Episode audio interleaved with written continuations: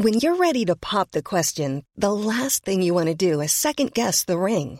At Bluenile.com, you can design a one of a kind ring with the ease and convenience of shopping online. Choose your diamond and setting. When you find the one, you'll get it delivered right to your door. Go to Bluenile.com and use promo code LISTEN to get $50 off your purchase of $500 or more. That's code LISTEN at Bluenile.com for $50 off your purchase. Bluenile.com code LISTEN. Hey, it's Ryan Reynolds, and I'm here with Keith, co star of my upcoming film, If, only in theaters, May 17th. Do you want to tell people the big news? All right, I'll do it. Sign up now and you'll get unlimited for $15 a month in six months of Paramount Plus Essential Plan on us. Mintmobile.com slash switch. Upfront payment of $45 equivalent to $15 per month. Unlimited over 40 gigabytes per month. Face lower speeds. Videos at 480p. Active Mint customers by 531.24 get six months of Paramount Plus Essential Plan. Auto renews after six months. Offer ends May 31st, 2024. Separate Paramount Plus registration required. Terms and conditions apply if rated PG. Du lyssnar på en podd från Media House by RF.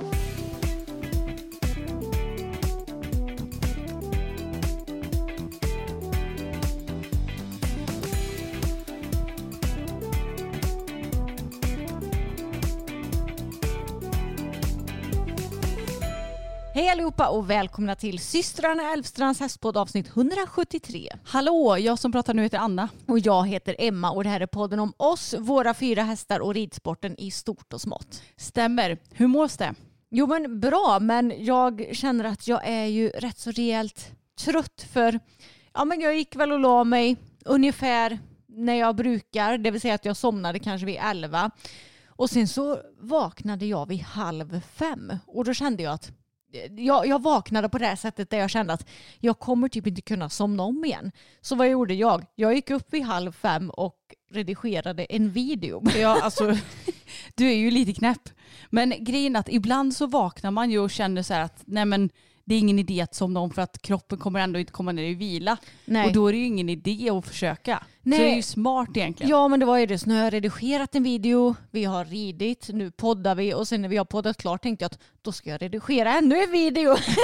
Lika bra att kötta på när det ändå Ja. blåser halvt storm ute som ja men idag. lite så. Nästa vecka kommer vi att ha så mycket att göra. Mm.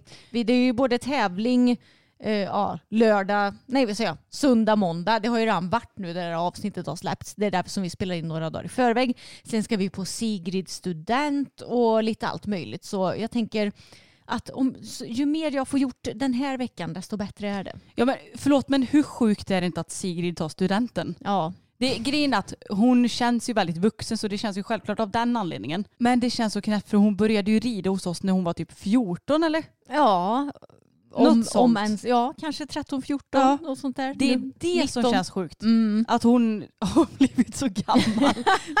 Och det är ju bara ett, vilka är det som har blivit gamla egentligen va? Ja det är ju vi. Ja. Och ingen annan egentligen. Nej, det är så sant. Men hur är läget med dig Anna? Jo men jag mår egentligen bra men jag är också lite trött idag. Ja. Jag vet inte varför. Jag vaknade upp och kände bara måste jag gå upp? Ja det måste jag. Mm. Så lite seg idag. Men det är ju så det är. Det går lite upp och ner det där. Oh ja, och jag måste bara säga att jag var så jäkla klantig också förra veckan. För jag eh, ska ju tävla nu till helgen, slash har tävlat när ni har lyssnat på det här avsnittet. Och jag är ju till skillnad från dig ganska så dum va? Så jag skriver inte upp, eller jag sätter ju inga alarm i mobilen på när jag måste betala mina startavgifter. Så jag hade ju anmält mig till fyra starter totalt med Bella och Pebban i Falköping. Och så hade jag skrivit upp i kalendern att måste betalas senast eh, fredag 18.00. Kom jag ihåg det? Nej. Nej, och varför då? För att jag typ inte har kollat i min kalender på hela veckan. Så då glömde jag bort det och då fick jag lite panik. Bara, nej, nu kommer det säkert vara fullt här för Falköpings tävlingar brukar bli fulla. Men som tur var så fanns det platser kvar och det är väl för att de skulle ha tävlingar under så pass många dagar kan jag tänka mig. Ja. Men eh, ja, man kan ju säga som så att det blir ju inte billigt det här för mig för det var ju 80 kronor i efteranmälningsavgift per start plus att Falköping redan eh, ja, men tar mer än de flesta andra här omkring tror jag när det kommer till tävlingar. ja, det är ju en av de dyrare tävlingsplatserna i alla fall. Ja, Så 320 spänn i efteranmälningsavgift. ja det blev det. Det är Så- ju tråkigt alltså. Ja, men jag blir så trött på mig själv. För det, nu, nu påminns jag om när jag gick på högskolan och hade så här, pluggat jättebra till en tenta och bara så här, yes nu är jag verkligen redo. Och kommer på typ så här dagen innan tentan att fan jag har glömt bort att anmäla mig till den här tentan. Ja, så typiskt. Och då är det bara att göra en omtenta sen istället. Men, ja men den kan ju ligga flera veckor bort. Ja, ja. Mm. Alltså fy tusan. Och då, det var ju en grej som jag lärde mig av. Jag glömde ju aldrig bort att anmäla mig till tentor efter den gången. Nej. Nu hoppas jag att jag inte kommer glömma bort att betala mina startavgifter i tid. Nej men alltså man lever ju så länge, man lär så länge man lever eller vad brukar man säga? Ja, alltså ibland känns det ju som om jag skulle behöva en god man typ. Hjälpa mig med mina vardagliga grejer. Städa, nej, städa huset gör ju ingen god man. Men som kan hjälpa till och så här, betala grejer och ja, hålla koll på min kalender. Ja. Åh gud, det känns som att du borde kunna lära dig det själv ändå. Jo, jag vet. Ja. Men Det när... är ett misstag på väldigt länge Emma. Cut yourself some slack. Alltså på riktigt. Ja, men min, mitt huvud har varit så rörigt det senaste. Ja, men det är ju så det är ibland och jag menar det är ju inte värre än att du fick efteranmäla det och det är tråkiga pengar men förhoppningsvis så glömmer du det inte igen. Nej, förhoppningsvis inte. Men det är ju ett tips till alla som tävlar. Ställ alltså telefonalarm, så väckarklocka på telefonen. Både när proposition, eller inte propositioner släpps, men när anmälan öppnar till diverse tävlingar. För ibland måste man ju vara väldigt snabb för att komma med på tävlingar.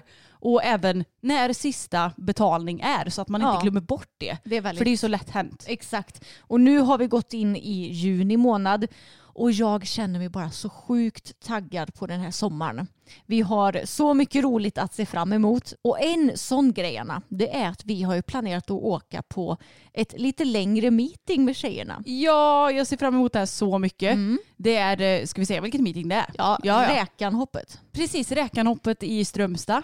Så då är planen att vi ska åka dit med båda tjejerna, dra med oss en husvagn, få med oss vår kompis Sillan och Samuel kanske också var på att åka med. Ja. Han är ju värsta meetingsnubben nu. Exakt, så Samuel får vara med och vara hästskötare och Sillan ska med med sin häst Kero. Så det, ja, det ser jag fram emot jättemycket. Det kommer bli supermysigt. De hade bra klasser och de hade något som hette typ Lilla räkanhoppet som gick i en meter och sen finalen i 1.05. Det tänker jag att eh, jag ska anmäla mig till med tjejerna och jag tror man fick bara starta en häst i finalen. Men jag hoppas ju att jag ska kunna kvala dit med båda två. Ja, och så får du Eh, välja vilken du rider i finalen. Ja, exakt. Och så rider jag någon annan klass med den andra. Men jag tänker att jag ska tävla tre dagar då. Så vi kommer väl vara där i fyra dagar med tjejerna och att jag rider tre dagar då. Ja, men grejen är ju också så här att vi åker med Sillan så då måste vi stanna till söndagen för hennes final är på söndagen om hon kvalar dit. Mm. Mm, så då blir det fem dagar. ja, vi får Nej, vi har inte planerat Nej, riktigt vi så här får långt. se men- lite hur det blir. Ja. Men det är planen i alla fall och det ska bli väldigt roligt. Ja. Och sen så ska vi också till Falsterbo och jag ska boka camping. Det är också så här, Mm. Just det. en grej som en god man skulle behöva göra åt mig, boka camping. Eh, Och nej, köpa men- solglasögon till hjälmen. Ja, just det.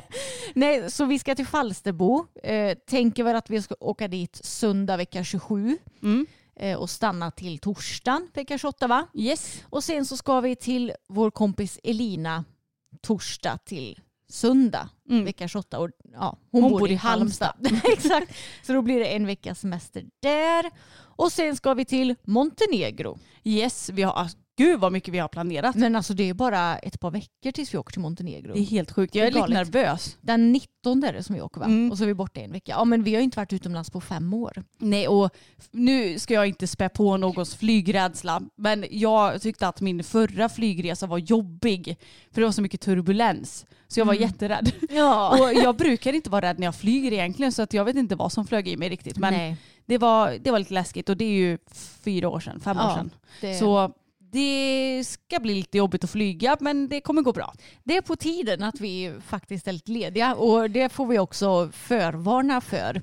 Podden kommer väl antagligen att uppdateras som vanligt under hela sommaren. Ja, vi hoppas det i alla vi fall. hoppas det. Vi får se. det. Ifall det kör ihop sig så vet ni varför. Vi ska faktiskt vara lediga i sommar och passa Mm. på att vara iväg. Youtube kommer kanske inte riktigt att uppdateras som vanligt heller. Det, det är väl den som kanske får lida lite. Ja men precis, men vi får ändå försöka att få ut podden för det är ju det allra, allra, allra roligaste. Exakt. Vi älskar ju YouTube också. Ja. Men att podda är verkligen, Ja, och jag Guld. tänker att det är så många som lyssnar på poddar på sommaren också. Mm. När man typ ligger ute och solar eller åker bil eller vad det nu kan vara. Mm. Så då vill vi ju verkligen få ut våra avsnitt. ja och jag tycker också det är så tråkigt för typ som Flashback Forever som är en av våra absoluta favoritpoddar. De tar ju alltid sommarledigt och jag förstår det för vem behöver inte semester? Ja. Men det är bara så tråkigt. Ja. Det är ju roligaste podden ever och så tar de ledigt varje år. Man bara Ja. hallå, tänker ni inte på oss lyssnare? jag skojar bara. Men när vi ändå är inne och snackar lite sommar och sommarplaner och sådär så tänkte jag på en grej Emma. Man skulle ju behöva något form av flugskydd till oss människor. Ja, För nu, verkligen. nu har ju de här små flugjäklarna vaknat till liv på riktigt. Mm. Och grejen är att jag är ju en sån person som andas mycket med min mun, normaltvis också. Men framförallt när jag anstränger mig och när jag rider så är den ju öppen typ hela tiden. Och när man rider ut i skogen, eller ja, egentligen vart som helst. Men mest när man rider ut i skogen. Ja, då flyger du in flugor verkligen i munnen. Ja. Jag har ju satt flera i halsen den senaste tiden. Så helt plötsligt så hör man det när vi galopperar så här bara Så håller jag på att kvävas av någon fluga.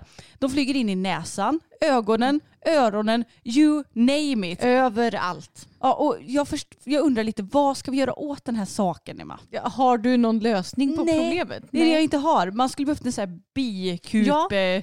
Mask typ. Var, varför är det inte någon eh, alltså, smart hästmänniska som har kommit på något sånt? För jag menar, det är ju fan helt omöjligt att rida på sommaren. Jag vet att när vi rider ut skogen och typ ja, rider i en snabbare gångart än skritt, det man får göra då det är typ kisa så mycket man kan och hoppas på att ögonfransarna eventuellt tar de flugorna som flyger där. Hålla munnen helt jävla alltså, ihopstängd. Mm.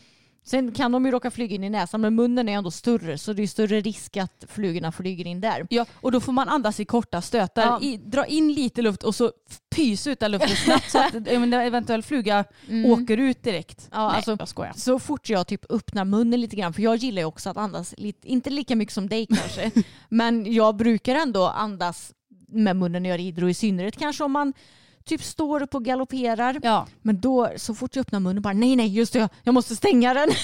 ja, men det är fruktansvärt. Men jag kom på det. Man kanske kunde spänna fast ett myggnät runt hjälmen. Mm.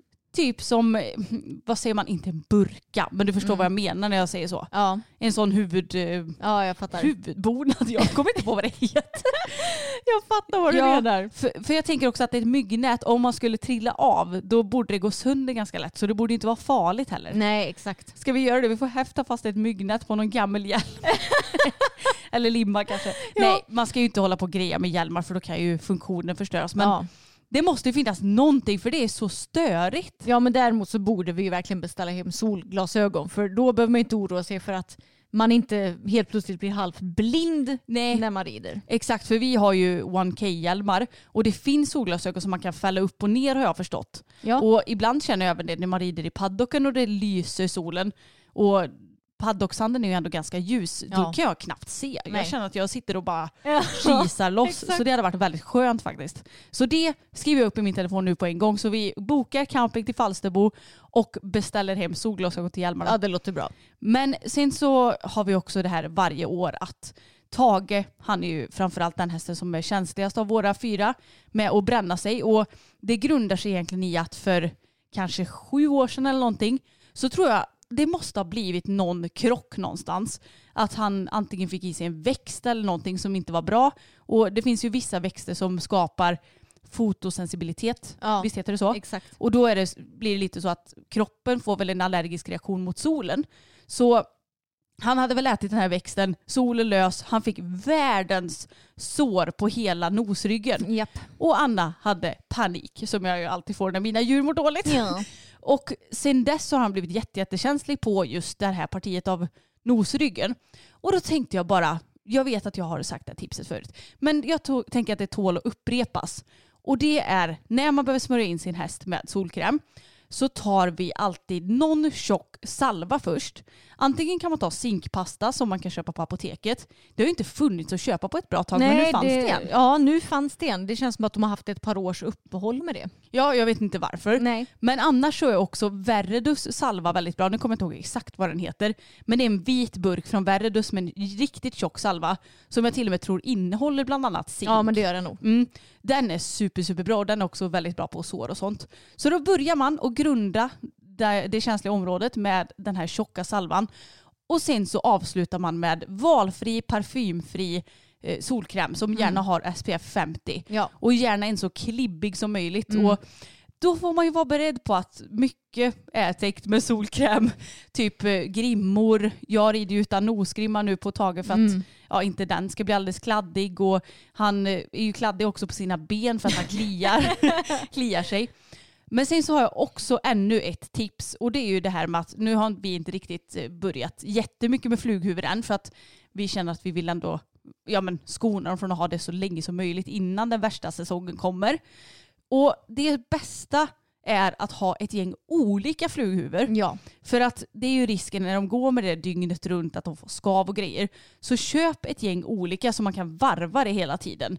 För då minskar man risken för skav och att det sitter på exakt samma ställe och trycker. Och gärna att man kanske spänner dem lite olika hårt också. Mm. Så någon dag kanske man spänner den lite hårdare och någon gång lite lösare och sådär. Ja. Om man inte har en häst som är som Bella då, som är riktig, vad ska man säga, huvudkastarkung. ja, men nu har de faktiskt skött sig hittills i år. Nu har de inte haft på sig flughuva sådär jättemånga dagar. Men de har fan suttit kvar. Jag vet, jag är så förvånad. Jag är också riktigt förvånad. Det brukar ju ta max en minut när man släpper ut henne så är den ju på marken sen. Ja, och det kvittar liksom vilken sorts flughuva hon har också. Ja. Typ. ja, nej så det är väldigt skönt. Ja, men tips på bra flughuvor. Det, det, man kan inte ha för många. Jag tror att jag räknade att vi hade en 15 stycken eller någonting. Ja, och då vet jag att du sa det. Är det här, eh, vad säger man, Rimligt. rimligt, att ha för fyra hästar? Och så jag ja, för dels går de sönder, man behöver variera och sen så får de av sig dem så de ligger där i hagen tills man hittar dem igen. Ja, men lite så.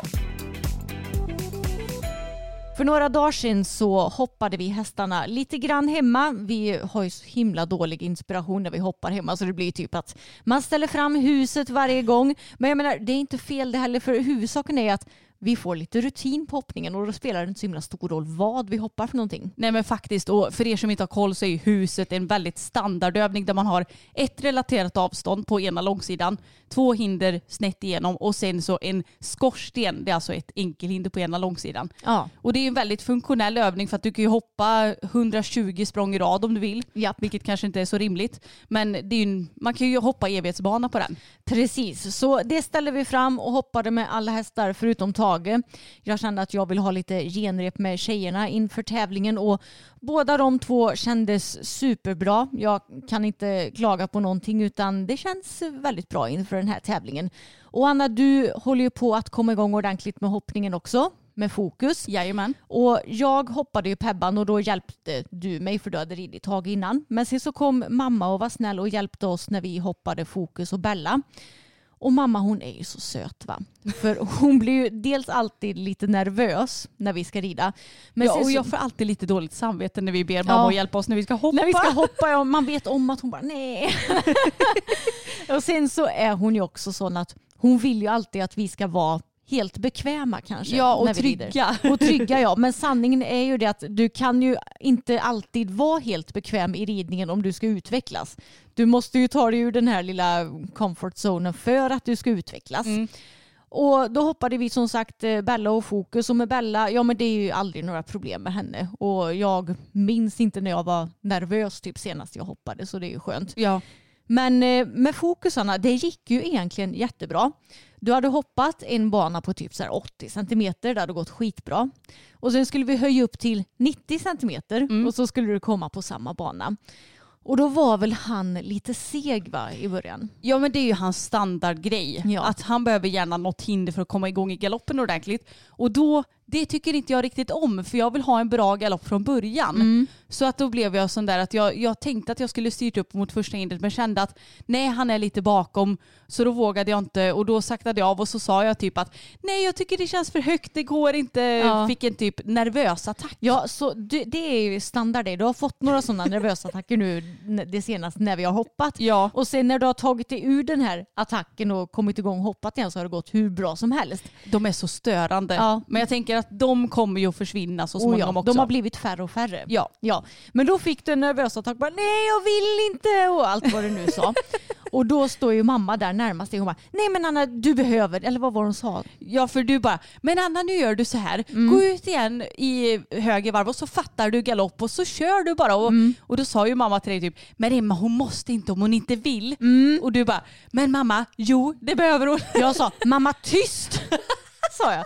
Just det. Jag, jag vet att alltså, mamma hon vill ju bara väl. Ja, det såklart. vet vi om. Men eh, det är inte allt, även om du vill väl så behöver inte det hjälpa den andra personen. Och jag visste ju om att om du skulle bara ta dig över första hindret så hade ju allt gått hur bra som helst sen. Och du hade varit så nöjd att du klarat det och du hade tyckt, att det varit så kul.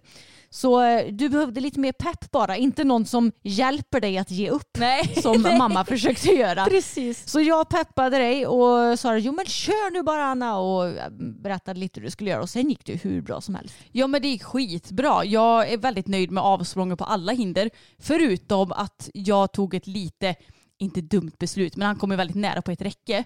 Men alltså min häst är så jäkla amazing många gånger, eller nästan alltid.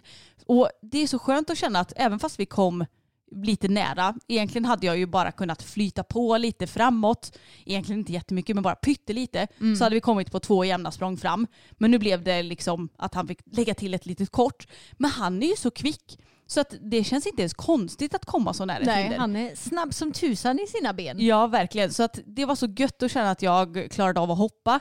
Nu var det ju bara fem hinder, men det är ändå en bana på 90 centimeter nu och det känns, ja men jag kommer över det mer och mer och jag känner mig tryggare och tryggare och han är så rolig att hoppa. Ja, Jag har tänk, lite glömt bort hur roligt ja, det är. Jag vet, tänk vad långt du har kommit sen typ februari, mars när du var så himla skrajsen. Jag, jag var jätterädd och jag, det kändes någonstans som att han inte ville hoppa tyckte jag då för att han inte gick och svänga och sådär.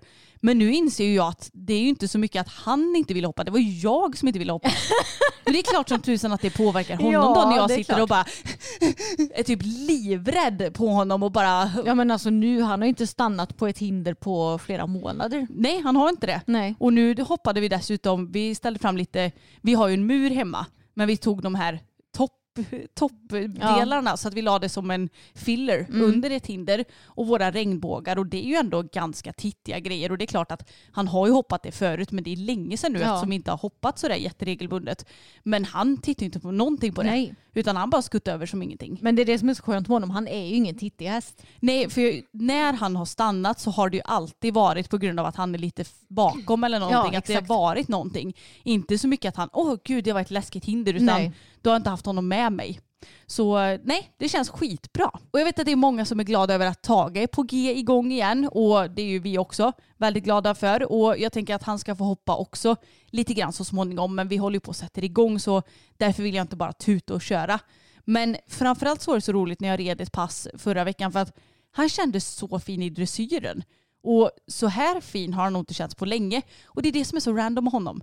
För att då har han vilat i, ja men vad det nu blir, Typ tre, veckor. Ja. Och så har jag börjat rida igång lite med lätta pass och så tänkte jag men nu ska vi ta ett lite hårdare dressyrpass och det är ju inte hårt på något vis men ändå med lite mer seriös form kanske och lite mer kontakt i tygen för min del och sådär.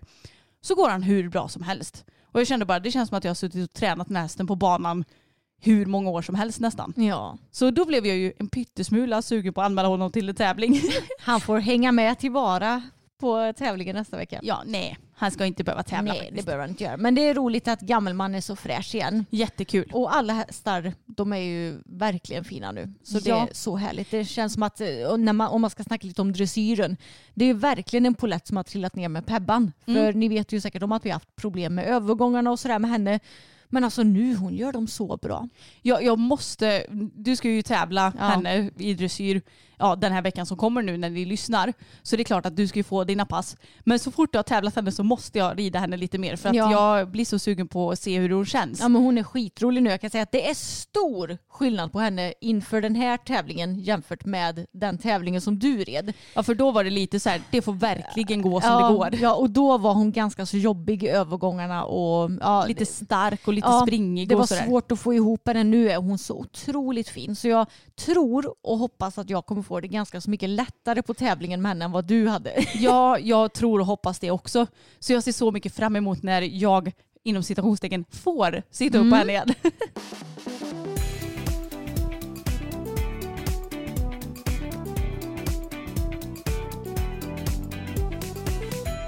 Den här veckans poddavsnitt är i samarbete med Success. Och ni som följer oss vet säkert om hur mycket vi älskar Success-kläder. Ja, vi har ridit i deras kläder i över ett år nu och vi älskar dem. Och vi håller ju dessutom på att ta fram en kollektion tillsammans med Success. Ja, det är så himla roligt och förhoppningsvis dröjer det inte allt för lång tid innan den släpps. Men fram tills dess så är ju Success så himla flitiga på att släppa nyheter. Och de har ju precis släppt en nyhet som jag tycker är genial. Ja, det har kommit ett par sommarleggings. Och för att inte tala om vilken snygg färg det har kommit. Det är två olika färger. Det finns i svart och det finns i lavendel. Och lavendel är ju en stor favorit hos framförallt rosaälskaren Emma. Ja, ljuslila och Ah. superhärlig. Så fint. Och dessutom så har den ett airflex-material. Och det är som små hål kan man säga, som små lufthål. Så det finns på leggingsen och det gör ju då att det andas mycket bättre. Ja, precis. För på sommaren blir du ju lätt varm när du rider och om benen också. Så det är ju super med det här Airflex-materialet för då blir du ju inte lika varm på sommaren. Och om vi ska beskriva de här leggingsen lite mer så tycker jag att de är så himla bra för de liknar Ohio väldigt mycket. Och Ohio är ju våra favoriter ifrån Success. Och de nya sommarleggingsen är precis som Ohio väldigt höga i midjan så de sitter bra på plats. De har samma material som Success i övriga delen av leggingsen, alltså där det inte är airflex. Så det gör ju att de sitter tight men är väldigt stretchiga och har en supergod kompression mot kroppen. Men skillnaden mellan sommarleggingsen och Ohio det är att de ser lite annorlunda ut i bak i rumpan. Det vill säga att eh, de har en lite annan design i rumpan som jag personligen tycker är väldigt fin. Och de är också lite mer seamless för de har inga summar kring skoningen till exempel som Ohio har. Exakt. Och det är ju perfekt för jag vet att många föredrar ju lite mer sömlösa leggings. Ja precis och det finns ju mobilfickor också precis som på Ohio. Så jag tycker det är så gött att det har kommit ett par bra sommarleggings som ändå täcker hela kroppen också för vi vill ju inte råka åka av ute i skogen och så sitter man där i shorts eller något. Jag vet nej, inte. nej men exakt. Och roligt nog så har ju vi en rabattkod till er nu som ni kan använda er av om ni vill shoppa de här nya sommarleggingsen eller vad som helst annat ifrån Success. Och den koden är Elfstrand15 och den ger 15% rabatt till och med nästa tisdag. Precis den 13 juni. Ja precis, så ni får jättegärna spana in Success sortiment och vi har såklart länkat till dem i beskrivningen och där står även koden ifall ni skulle glömma bort det. Och stort tack till Success för att ni har varit med oss det här poddavsnittet.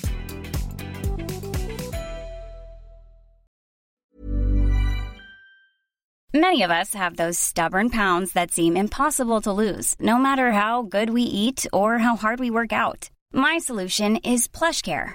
PlushCare is a leading telehealth provider with doctors who are there for you day and night to partner with you in your weight loss journey. They can prescribe FDA-approved weight loss medications like Wagovi and Zepbound for those who qualify. Plus, they accept most insurance plans. To get started, visit plushcare.com slash weight loss. That's plushcare.com slash weight loss. Ever catch yourself eating the same flavorless dinner three days in a row? Dreaming of something better? Well, HelloFresh is your guilt-free dream come true, baby. It's me, Kiki Palmer. Let's wake up those taste buds with hot, juicy pecan-crusted chicken or garlic butter shrimp scampi. Mm. Hello Fresh. Stop dreaming of all the delicious possibilities and dig in at HelloFresh.com. Let's get this dinner party started.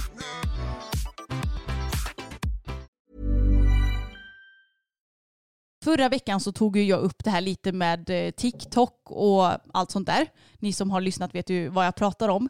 Och jag måste bara läsa upp ett meddelande som jag fick för att jag tyckte att det var så himla fint. Och jag vill också bara tillägga att jag förstår att det inte bara är dåliga saker på TikTok utan det finns jättefina människor som skriver fina kommentarer och lägger upp bra saker. Men det, den upplevelsen jag fick när jag hade appen var att det var mycket hat i alla olika kategorier, inte bara när det kommer till häst liksom.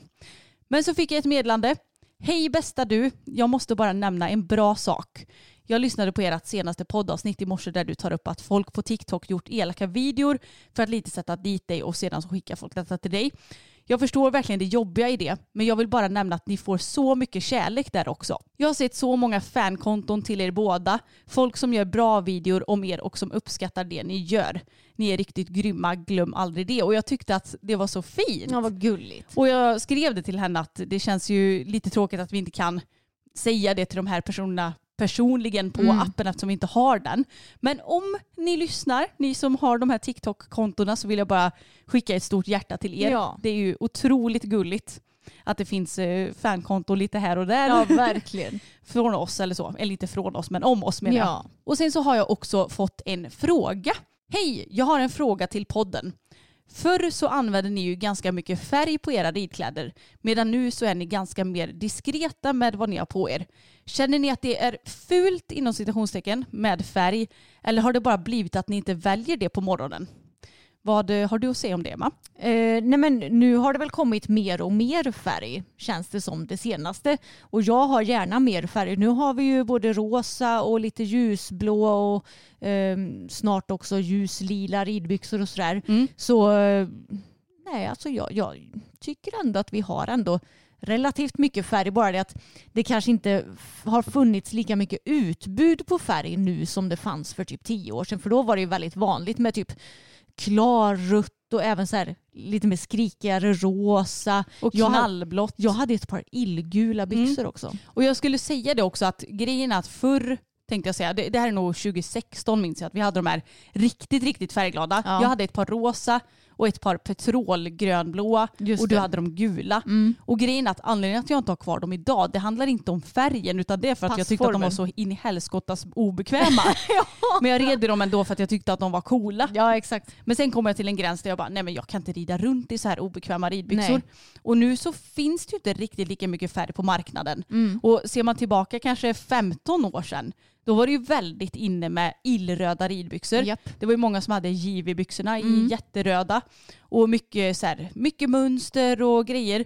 Men jag hoppas att det ändå kommer tillbaka lite med mer färg. Men Mm. det som jag gillar med de färgglada färgerna som vi har nu, det är att de är lite smutsiga. Ja, lite, lite dova men ändå färgglada. Ja, och det känns mer lättburet än något som är riktigt så här, cerisrosa eller någonting. Exakt. Så det handlar inte om att vi tycker det är fult utan tvärtom tycker jag att det är snyggt. Ja, ja. Men det känns som att marknaden inte riktigt eh, finns med Nej. de där jätteklara färgerna. Jag skulle säga det också. Och när det kommer till typ mina vanliga kläder, Mm. där gillar jag också att bära färg. Jag har insett att jag gillar inte, eller jag trivs inte riktigt i svart. Och sen insåg jag, efter att jag har fått upp massa såna här färganalysgrejer på mina reels, att jag är en soft autumn. Mm. Och då, då inom stationstecken ska man inte ha svart för att det washes me out. Eh, så vilken fin svengelska. Ja verkligen, men Ja. eh, du bleknar lite i det. Ja, precis. Det blir lite för hårt, eh, alltså Mm. stor kontrast på, på mig. Så det som jag gillar det är egentligen typ brunt eh, och vitt är egentligen de vad ska man säga, nudefärgerna jag brukar ha, möjligtvis beige. Och sen gillar jag ju typ att ha vinrött, rosa. Jag har ju många olika rosa, både överdelar och underdelar. Lite blått. Ja, lite blått, kanske lite så här orangeaktigt, eh, Mm. rostigt. Ja, jag är ju... Grönt gillar jag, Mm. militärgrönt. Mm, det gillar jag jättemycket Mm. också. Men jag har insett att jag, jag trivs inte jättebra i så här klargröna färger. Nej. Men militärgrönt går jättebra. Älskar ju alla färger av rött, orange och gult. Ja. Alla toner går bra för min del. Japp, men du är ju en true autumn. Mm, tydligen. Det här med färganalys behöver man ju absolut inte gå in för helt hundra utan Nej. man, man klär sig i de färgerna man tycker är fint. Men det är ändå lite kul för att på något vis har vi ändå dragit oss till det vi tydligen ska passa i enligt den här mallen. Ja exakt. Och det är så himla roligt också för när, eh, när jag såg Success plumfärg, du har på dig den tröjan nu för övrigt, Ja. det är ju en lite mörkare lila kan man säga. Och jag tänkte när jag såg den att alltså jag tycker att det är en fin färg men jag tror inte riktigt att det är min färg för jag har aldrig riktigt känt mig som en lila person, jag är ju mer en rosa person. Och sen fick vi hem dem och jag kände att jag trivdes så jäkla bra i den här färgen. Och då har jag insett när jag kollat på de här eh, alltså, färgkartorna mm. med vad man ska ha för färger som är soft arum. Då ska man ju ha, alltså den, exakt den färgen, det är en sån färg som jag inom stationstecken ska ha. Mm. Så då är det inte så konstigt att jag gillar den. Nej, Så det är ganska så intressant att eh, jag kan, man kan ta lite hjälp av det här för att hitta färger som jag trivs med också. ja men faktiskt för att någonstans så, så dras ju i alla fall du och jag lite till det vi ska ha. Precis, och det är också, alltså herregud nu blir det inte alls svar på den här frågan egentligen. Men jag- har ju också insett att jag trivs ju bäst i min egen hårfärg, eller i min hår, när det är lite ljusare än mitt naturliga hår. Din hår, ja. du är ju till exempel väldigt fin i mörkare hår och det passar inte jag i. Nej. För det washes me out. Jag ska ha min naturliga färg lite ljusare eller varmare men inte så blond som jag var ett tag. Nej och jag tyckte inte att du klädde i det men samtidigt så Nej. kan ju inte jag komma och säga bara du är så jävla ful i blont Nej, hår. men- för att det är ju upp till dig Det vad du vill ha. nu har jag hittat min stil som Ja. jag ska ha efter så här 30 plus år. Ja, jag skulle precis säga att det tog bara drygt 30 år men eh, Ja, alltså innan dess så har jag ju envisat med att jag ska ha mörkt hår eller jag ska ha blont hår. Ja. Nej, det ska jag inte. Men det är det som är så roligt med färger också. Man kan experimentera så mycket. Ja. Och jag tycker också det är så kul att matcha hästen. Och alla våra fyra hästar tycker jag är så fina i ja, men den här lite mossgröna. Det är så, Det är så förlåt, fint. men jävla fint på Mm. fuxarna. Åh, älskar den färgen. Om jag tvingas välja en färg att ha i ridgarderoben så Mm. är det just mossgrönt. Ja men det, jag skulle också säga det för det, alla hästar passar i det. mm, och det är ändå en färg. Ja, Det är inte bara så här svart. nej exakt. Svart är väldigt fint det också dock. Och jag har också hittat ett DM här som jag tänkte läsa upp. Hej, jag skulle vilja höra era reflektioner kring det här med att det är så tydlig könsfördelning mellan de som tävlar i elithoppning respektive elitdressyr. Vad beror det på? Det stör mig enormt mycket att det är så mansdominerat i den yttersta hoppeliten. En annan sak jag skulle vilja höra era reflek- reflektioner kring är att många verkar tro att det bara, eller mest är viktigt med vad hingsten har för gener när den vill ha ett föl. Alltså att stoet inte är lika viktigt. Okej, ska vi börja med första frågan Anna? Ja men det kan vi göra. Och det är ju faktiskt intressant för jag har nog inte reflekterat så mycket kring den här frågan. Jo men jag har gjort det och om jag minns rätt så tror jag att antingen typ tidningen Ridsport eller Hipson har tagit upp den här diskussionen någon gång tidigare. Men jag minns inte riktigt vad som sades i det så vi kan ju bara liksom prata utifrån vad vi tror och tänker och sådär. Och nu, jag vet inte exakt nu, nu hur det är för kvinnor när man är mammaledig, hur det blir med världsranking och sådär så vi kan ju bortse från det också. Ja. Och vi har ju heller aldrig varit gravida och fört barn så vi kan ju inte riktigt eh, prata utifrån det perspektivet heller. Nej. Men däremot har vi ju en kompis som ganska så nyligen har fött barn, Moa. Och jag vet att hon, hon är ju egentligen hoppryttare men hon var ju tvungen att sluta hoppa efter en bit in i graviditeten för att det kan väl bli komplikationer och sådär va? Ja, alltså framförallt så är det ju kanske en risk. Jag Mm. menar om du trillar av, om hästen skulle råka trampa dig, Jo. vilket såklart kan hända oavsett om du rider hoppning eller dressyr eller ute i skogen. Jo. Men hon vågade väl inte hoppa? Men det, jag vet att det var någonting som skulle kunna hända. Alltså Med barnet? Eller kanske snarare med Moas kropp. Alltså, det, det, ni som eh, är... För det är inte framfall du snackar om va? För det är ju mer risk efteråt. Ja, det är väl efteråt va? Ja. Nej, det, var, det är någonting annat. Ja. Jag vet inte vad Att det är. huvudet plötsligt bara kommer ut. Nej, jag. Nej, men snälla någon, ni som, eh, ni som själva har varit slash är gravida, jag tror ni fattar vad jag menar. Ni Ja. kan ju förtydliga vår Facebookgrupp, men det var någon komplikation som skulle kunna ske Ja, vet jag. men jag tänker också att det är ju väldigt, väldigt många som, ja men fortsätter att rida och kanske inte hoppa så mycket. Men det är ju som Mm. Malin Barriard tävlar väl för tusan när hon eh, Ja. hade värsta magen och sen eh, några dagar efter så bara var hon uppe i sadeln igen Ja, och men har, har man inte så hört att Malin Barriard typ så här, eh, red fram till dagen innan förlossningen och sen Jo. hoppade upp igen två dagar efter och, så där. och det är ju kanske inte så himla många som gör det. Nej och sen är det nog superindividuellt hur man mår Ja. också. Jag vet vissa får inte behålla någon mat Nej. utan spyr konstant. Exakt. Då är det kanske inte så lätt att rida och sådär. Nej, men okej, nu till frågan då. Ja. Jag tänker att för det första så är det kanske lättare att rida dressyr både långt in i graviditeten och snabbare efter graviditeten än vad det är att hoppa. Ja. Det, det tror jag i alla fall. Eh, och sen, ja, men som du säger, det är inte heller lika stor risk kanske att rida dressyr som att hoppa. Och både om du är gravid och när du har fått barn så är du kanske lite mer försiktig av dig. Ja, vilket, det är ju... vilket ju är helt normalt Ja. och förståeligt. Men tror du bara att det är barnfrågan som gör att det är fler kvinnor i dressyren? Nej, det, det tror jag väl egentligen inte.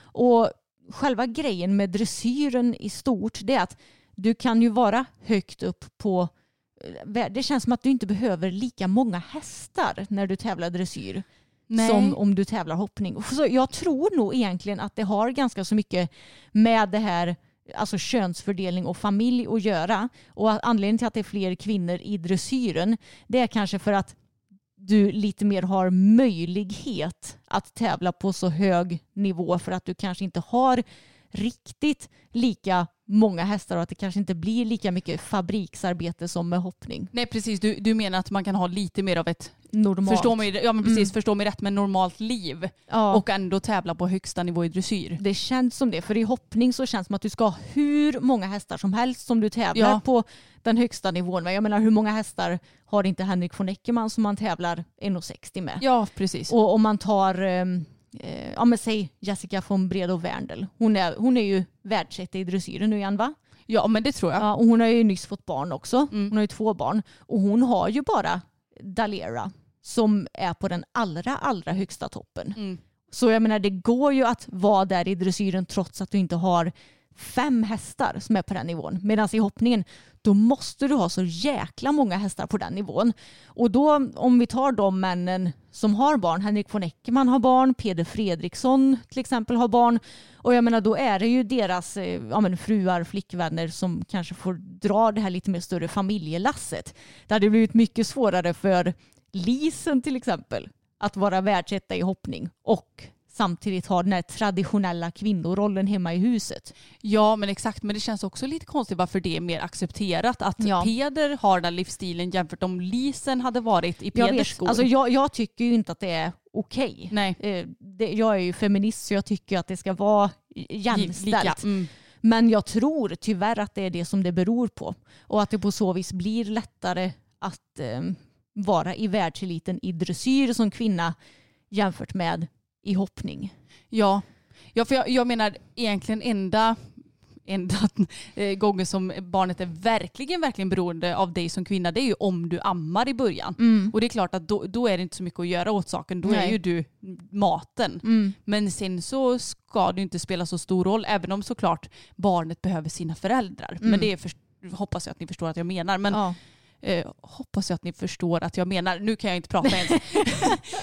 men det är, det är lite konstigt att det, men det, det känns som att det är så i så många aspekter. Ja. Att det är mer accepterat att män lite får göra som de vill. Exakt. medan kvinnorna, nej men de roddar. Ja. ja, men jag tror tyvärr alltså att det beror på de här Mm. stereotypiska könsrollerna. Det är nog svårt att bryta sig loss helt från dem. Och jag tror också det är svårt som kvinna. För jag menar, vi har ju ändå vår, vår biologi säger ju att vi ska vara omhändertagande och vara ja, men ansvariga för, alltså ta hand om familjen och Ja. sådär. Men har ju inte det biologiskt lika mycket som vi kvinnor har. Nej men det är det jag menar, det sitter nog tyvärr tänkte jag säga, det är väl på gott och ont såklart, lite i våra gener. Ja, det gör ju det. Mm. Så ja, jag tror att det beror på det.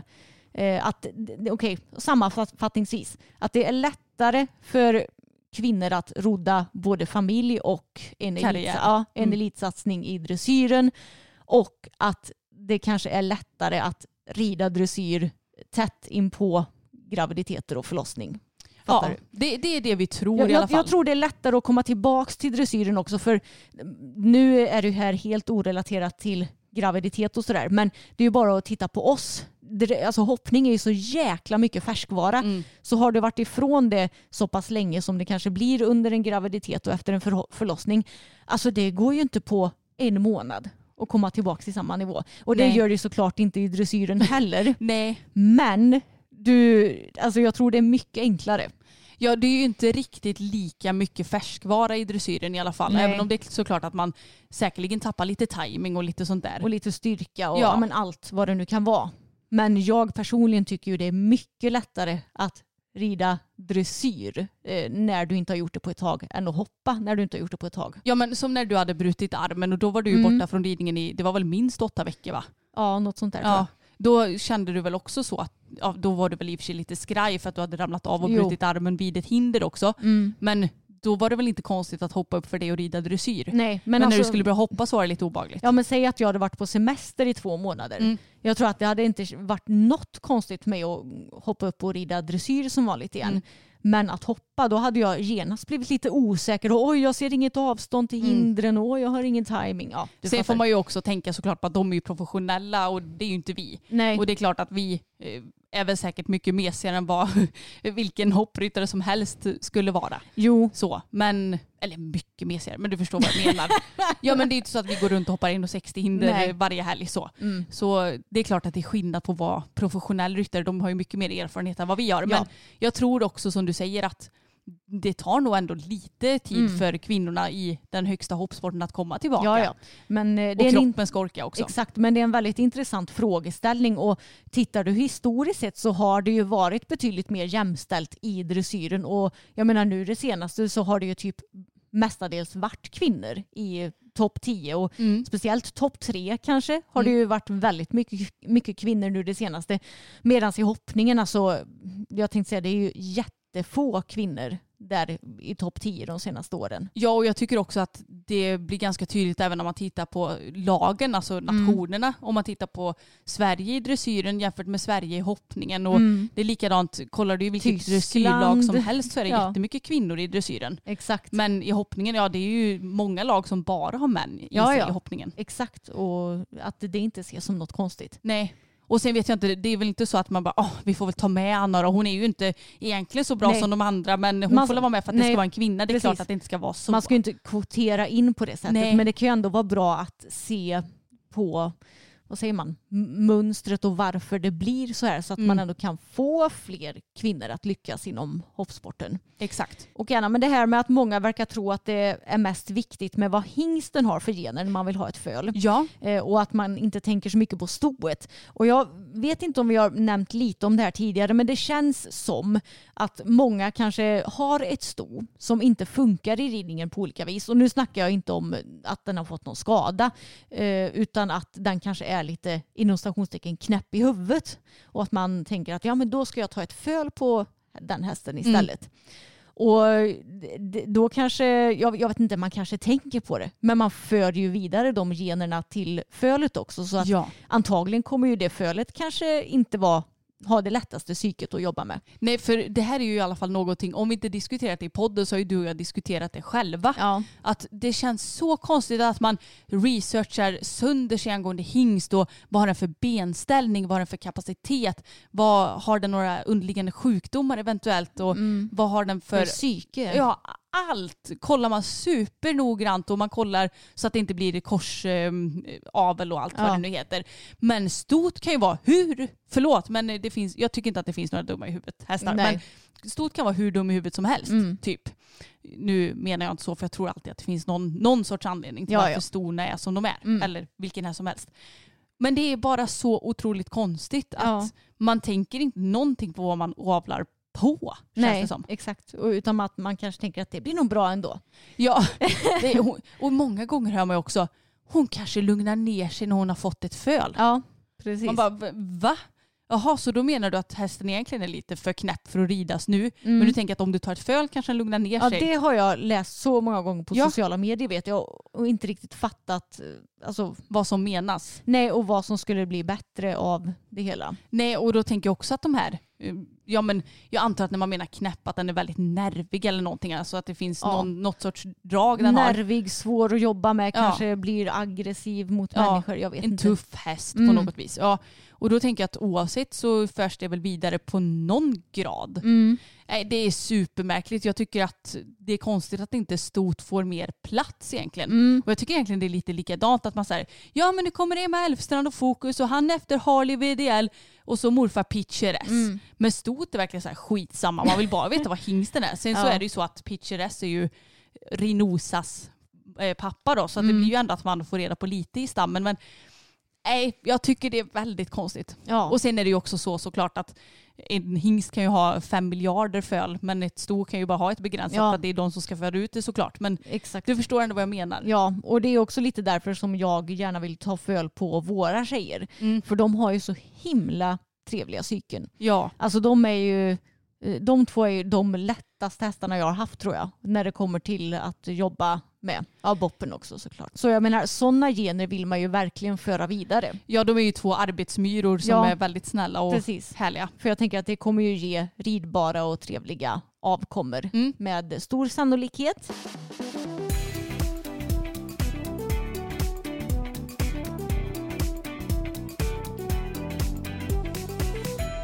Och jag tänkte läsa upp en artikel ifrån Hipson som heter Måste våga tala om hur det är. Karin har haft ett jobb som hästskötare. Det första fick också bli det sista. Men hon vill inte lämna branschen med den munkavel som många hästskötare känner. Hon vill berätta om den vardag som många hästskötare lever i längst ner i näringskedjan. Karin, som egentligen heter något annat, landade ett jobb hos en av Sveriges mest välmeriterade ryttare. Ett drömjobb för en hästälskare helt enkelt. Men det blev något helt annat. Jag blev illa behandlad, kallad dum i huvudet och uppmuntrad att hålla mig smal och snygg, berättar hon. Det där med att hålla sig smal var väl inget problem. Att hinna med att äta var nedprioriterat under hektiska arbetsdagar såväl hemma som ute på tävling. När hon dessutom inte fick lov att vistas i lastbilens bodel för att hon ansågs vara för smutsig gjorde det ännu svårare med maten. På många tävlingar ordnas det med mat så då löste det sig. Annars fick jag fixa något och äta det i stallet hos hästarna. Att jobba som hästskötare innebär oftast att man bor på gården och blir en del av familjen. Vi hade en lägenhet som vi som jobbade delade på. Men det var fullt av grejer kvar från tidigare anställda och saker som inte fungerade. Det fanns inte städartiklar så att vi kunde hålla i ordning. Gick något sönder drogs det av på lönen. I mitt kontrakt stod det att jag var anställd som stall och hästskötare men jag blev också ansvarig för städning och att hålla ordning på ryttarens privatliv till viss del. Det gjorde att jag mer kände mig som en assistent. Just känslan av att de aldrig var nöjda med hennes arbete var jobbigt. Jag var först i stallet på morgonen och sist därifrån på kvällen och ändå dög aldrig det man gjorde. Hon berättar att familjen var mån om att allt skulle se bra ut utåt. De var också livrädda för att utsättas för sabotage. Något som innebar att Karin till exempel var tvungen att ha hästarnas foder inlåst i lastbilen. Det gjorde att hennes jobb i stallet på tävling tog extra tid när hon fick bära fram och tillbaka. Alla andra hästskötare fick ha fodret i stallet, även de som var på plats med några av världens allra bästa hästar. Men min familj var så paranoida så det blev bara fel. De trodde att alla var emot dem och deras frustration togs ut på hästskötarna. Just det här kontrollbehovet gjorde att personalen byggde upp en stor stress och rädsla för att göra fel. Det blev som en ond cirkel. Det var ju också pinsamt att bli utskälld inför andra på tävlingsplatsen för att man till exempel inte hade knäppt tränset så att ryttaren var nöjd. Hon berättar om ett tillfälle då en häst som skulle visas för spekulant kommande dag tappat en sko i hagen. Vi fick gå ut med metalldetektor och leta och om vi inte hittade skon skulle vi inte få lön. Hon har fått distans till sin tid som hästskötare och det har gått några år. Samtidigt känner hon att det inte får vara som det är hos vissa ryttare. Ryttarna måste ha respekt för hästskötarna och inte sätta orimliga krav. De måste ha till, tillit till sin personal, säger hon. Jag tror inte på ledarskap där tyst är bra och man blir utskälld när det går dåligt. Även om det första jobbet också fick bli det sista så har hon även positiva minnen med sig. Det var roligt att få vara med på tävling och jag fick många fina vänner. Men det var inte trevligt med känslan av att vara så liten. Hon menar också att en ryttare som inte behandlar sina hästskötare väl får en hög personalomsättning. Men om man byter personal hela tiden så går också resultaten ner. Jag vill att hästskötare ska våga säga ifrån för de är viktiga för resultatet. Prova att lämna ryttarna ensamma på tävling, då blir det inget resultat. Och ibland så önskade jag så mycket att man kunde få outa namn. Jag har ingen aning om vem den här personen har jobbat hos givetvis. Nej. Men det hade varit så skönt för att då hade man kunnat varna folk ordentligt också. Ja, jag vet. Jag blir, så, jag blir så irriterad. Och ursäkta men varför har man personal om ingenting de gör duger? Ja, jag vet. Gör skiten själv då för helvete. Ja, exakt. Men jag minns eh, när det här tv-programmet Ryttareliten gick. Mm. Och då minns jag också att eh, jag reagerade på att vissa av de ryttarna betedde sig så himla drygt mot sina hästskötare. Och det var aldrig något som var bra. Det var bara gnäll hela Mm. tiden. Och ja, jag tänkte att alla vet väl om att ett bra ledarskap, då, då ska du vara positiv till det som är bra och ge motivation när du liksom ger beröm och allt vad det nu är. Ja. Inte bara säga allt som är dåligt hela tiden och gnälla på helt antagligen oväsentliga grejer. Nej, och knäppa ett träns på rätt sätt. Hur fel kan det bli? Om, Mm. Det är väl klart, så- jag är ju sån där att hade nosgrimman varit för hårt spänd jämfört med vad man vill, självklart. Men det finns ju ingen anledning till att gnälla på saker. Då får man väl göra det själv då om det är så himla svårt. ja. Nej men jag fattar inte. Nej, jag vet. Jag tycker bara det är tråkigt och det känns som att det kommer också upp fler och fler sådana här historier nu. Mm. Och ett ja, vad ska man säga, tips om du söker ett hästskötarjobb det kan ju vara att försöka ha koll på vilka stall som har en hög personalomsättning. Alltså de som söker personal ofta. För jag, jag skulle gissa på att de som söker personal ofta det beror väl på att den personalen som de får inte vill vara kvar så länge. Ja men exakt om det inte är ett stall som håller på att utvecklas väldigt fort. Det, man får hålla lite koll på varför de söker personal också Mm, såklart.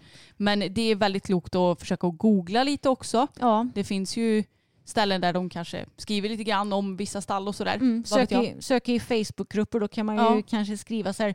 Eh, är det någon som har jobbat hos den här ryttaren, vad har ni för erfarenheter? Jag menar, då kan man ju skicka DMs och sådär om man inte vill ta allt öppet. Ja. Eh, nej, alltså det, det, jag vet inte om det här är en kontroversiell ås, åsikt, men jag är ju inte jättemycket för det här med alltså förtal. Alltså det, vad ska man säga?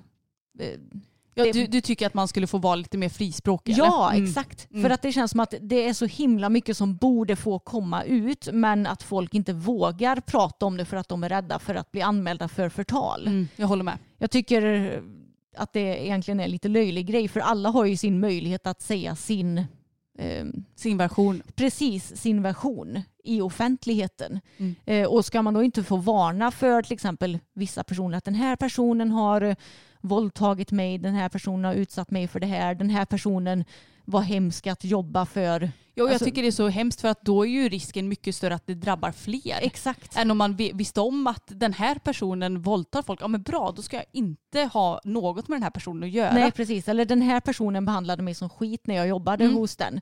Nej, då ska jag inte söka något jobb hos den personen. Nej. Det, det är så mycket, eller jag tror att det är så många som drabbas illa på grund av att folk är så rädda för att ja, varna för andra människor eller företag eller vad det nu kan vara. Ja, det tror verkligen jag också. Och jag tänker också att hade det här med förtal inte varit så himla känsligt, då tror jag också att folk hade skärpt sig på ett helt annat sätt. Exakt. Att så här, ja, men jag vet att det är jättedåligt att jobba hos, nu tar jag dig som exempel, Mm. hos Emma. Och hade jag berättat det för hela världen då kanske du ändå hade skärpt till det och varit en Exakt. bättre arbetsgivare. Men nu är det så här, du kommer ändå inte våga säga det. Nej, Eller så jag kan bete det. mig som skit mot nästa och nästa och Precis. nästa och nästa och nästa. Mm.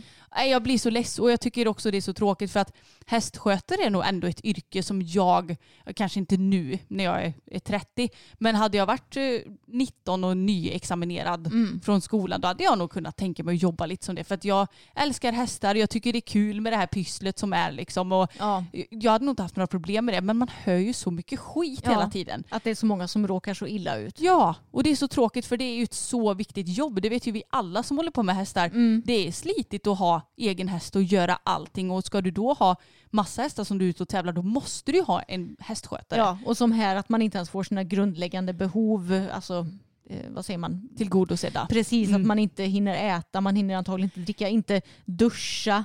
Alltså, Gå på toa. Nej, precis. Alltså, det, så ska det inte vara Nej. på någon arbetsplats egentligen. Nej, och det är klart att det finns hektiska perioder hos alla men det ska inte behöva vara så här hela, hela tiden. Nej. Och att dessutom hota om att inte få någon lön om man inte hittar en sko. Mm. Vi alla vet väl hur lätt, lätt det är att hitta skor i hagar ibland. Verkligen. Ibland så är de ju för fan uppslukade av marken. Ja, nej det, det är tråkigt. Men också som den här före detta hästskötaren sa i slutet.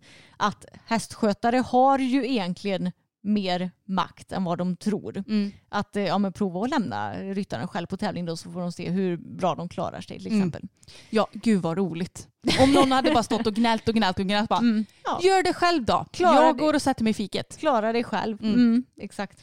Ja, men det är ju så sant. Mm. Utan hästskötare, nu, jag behöver ju dig eller Samuel eller pappa på tävling också. Mm. Utan er så hade inte jag heller kunnat klara av att tävla. Nej, i, på låg nivå kanske det går. Men Jo, det är eh, klart på, det går, Ja, men- ja. men eh, det blir ju mycket lättare att få eh, ordentliga resultat om du har en bra hästskötare. Jag som kan hjälpa till att hålla koll och ta benskydd när det behövs eller ge en vatten eller vad som helst. Mm. Det är liksom ett jobb som har blivit så nersmutsat tack vare att det finns så sjukt dåliga arbetsgivare. Men jag fattar inte, alltså som arbetsgivare, hur svårt ska det vara att vara en decent människa? Nej. Eller förlåt, jag menar inte att, eh, att yrket är nedsmutsat men ni förstår vad jag menar. Ja. Det, det känns som att det är lite det är ju ett litet halvdåligt rykte Ja, ja, det är det ju. Faktiskt. Ja, För men att det finns så mycket dåliga arbetsgivare. Ja, men jag fattar inte hur svårt det ska vara att eh, ja, men både bete sig schysst mot andra människor, vara tydlig i sin ledarroll och Mm. ha tydliga instruktioner att så här vill jag ha det Mm. och att kunna ge beröm och även kritik om det behövs fast på rätt sätt utan att trycka ner en person. Att eh, ha ett ordentligt schema så att personen i fråga hinner äta, Hinner duscha, ledig. vila. Exakt. Alltså, ja, jag, jag tycker inte att det borde vara så svårt för jag menar ryttaren hinner ju antagligen med det här. För jag menar du kan ju inte prestera till exempel om du inte hinner äta. Nej men du vet att det är ju dens, person, eller dens behov som är mycket viktigare än vad hästskötarens Ja, är. Nej gud, jag blir så irriterad av sådana här artiklar. Men Ja. jag tycker att det är så bra att det kommer ut också. Mm. Sen så hade det ju som sagt varit ännu bättre om man fått reda på vilken person det är så folk vet vilken de ska Ja. undvika. Men det är ju ingenting som vi kan påverka. Och nu till en lite rolig nyhet som jag hittade på tidningen Ridsport och den heter Världsettan återkommer som testryttare. Till dressyrveckan 27 september till 1 oktober presenteras den tyske toppryttaren Benjamin Werndl som testryttare då alltså. Oh, Alltså Emma vi måste åka och kolla på Ja, det. det hade varit så kul. Och till hoppveckan 4-8 oktober återkommer publikfavoriten och världsettan Henrik von Eckermann. Gud vad roligt. Mm, SVB Equestrian Weeks med Breeders Trophy har som mål att främja den unga hästens grundutbildning och ha efterfrågade och kompetenta testryttare är en del av det långsiktiga målet. Benjamin är verkligen en aktuell ryttare med en bronsmedalj i lag och en fjärdeplats individuellt vid VM i Härning. Han representerar den klassiska tyska träningsmetoden men sätter alltid hästen som individ i första hand, vilket vi gillar.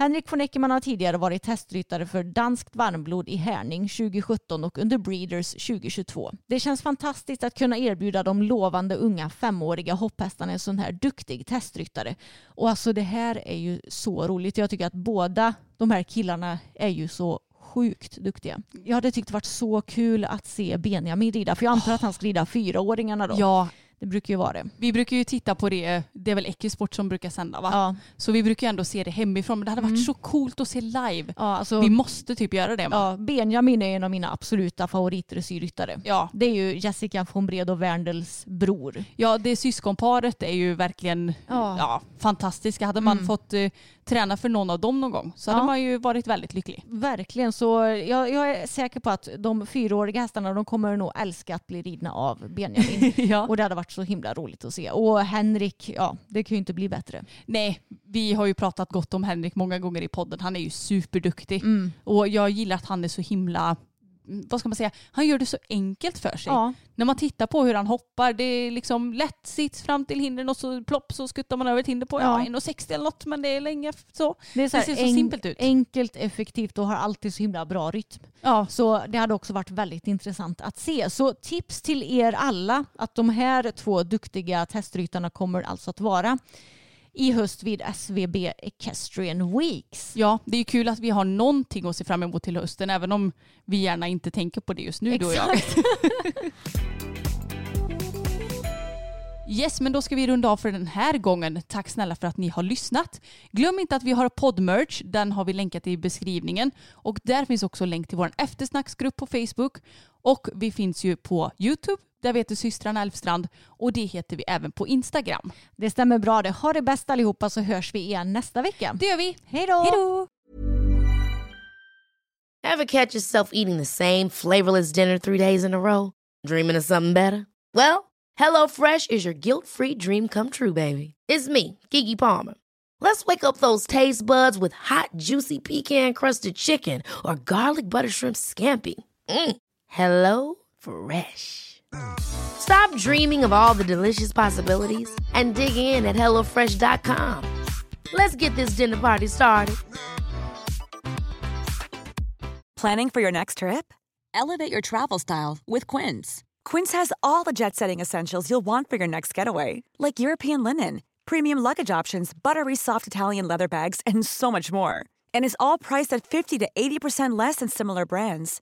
Plus, Quince only works with factories that use safe and ethical manufacturing practices.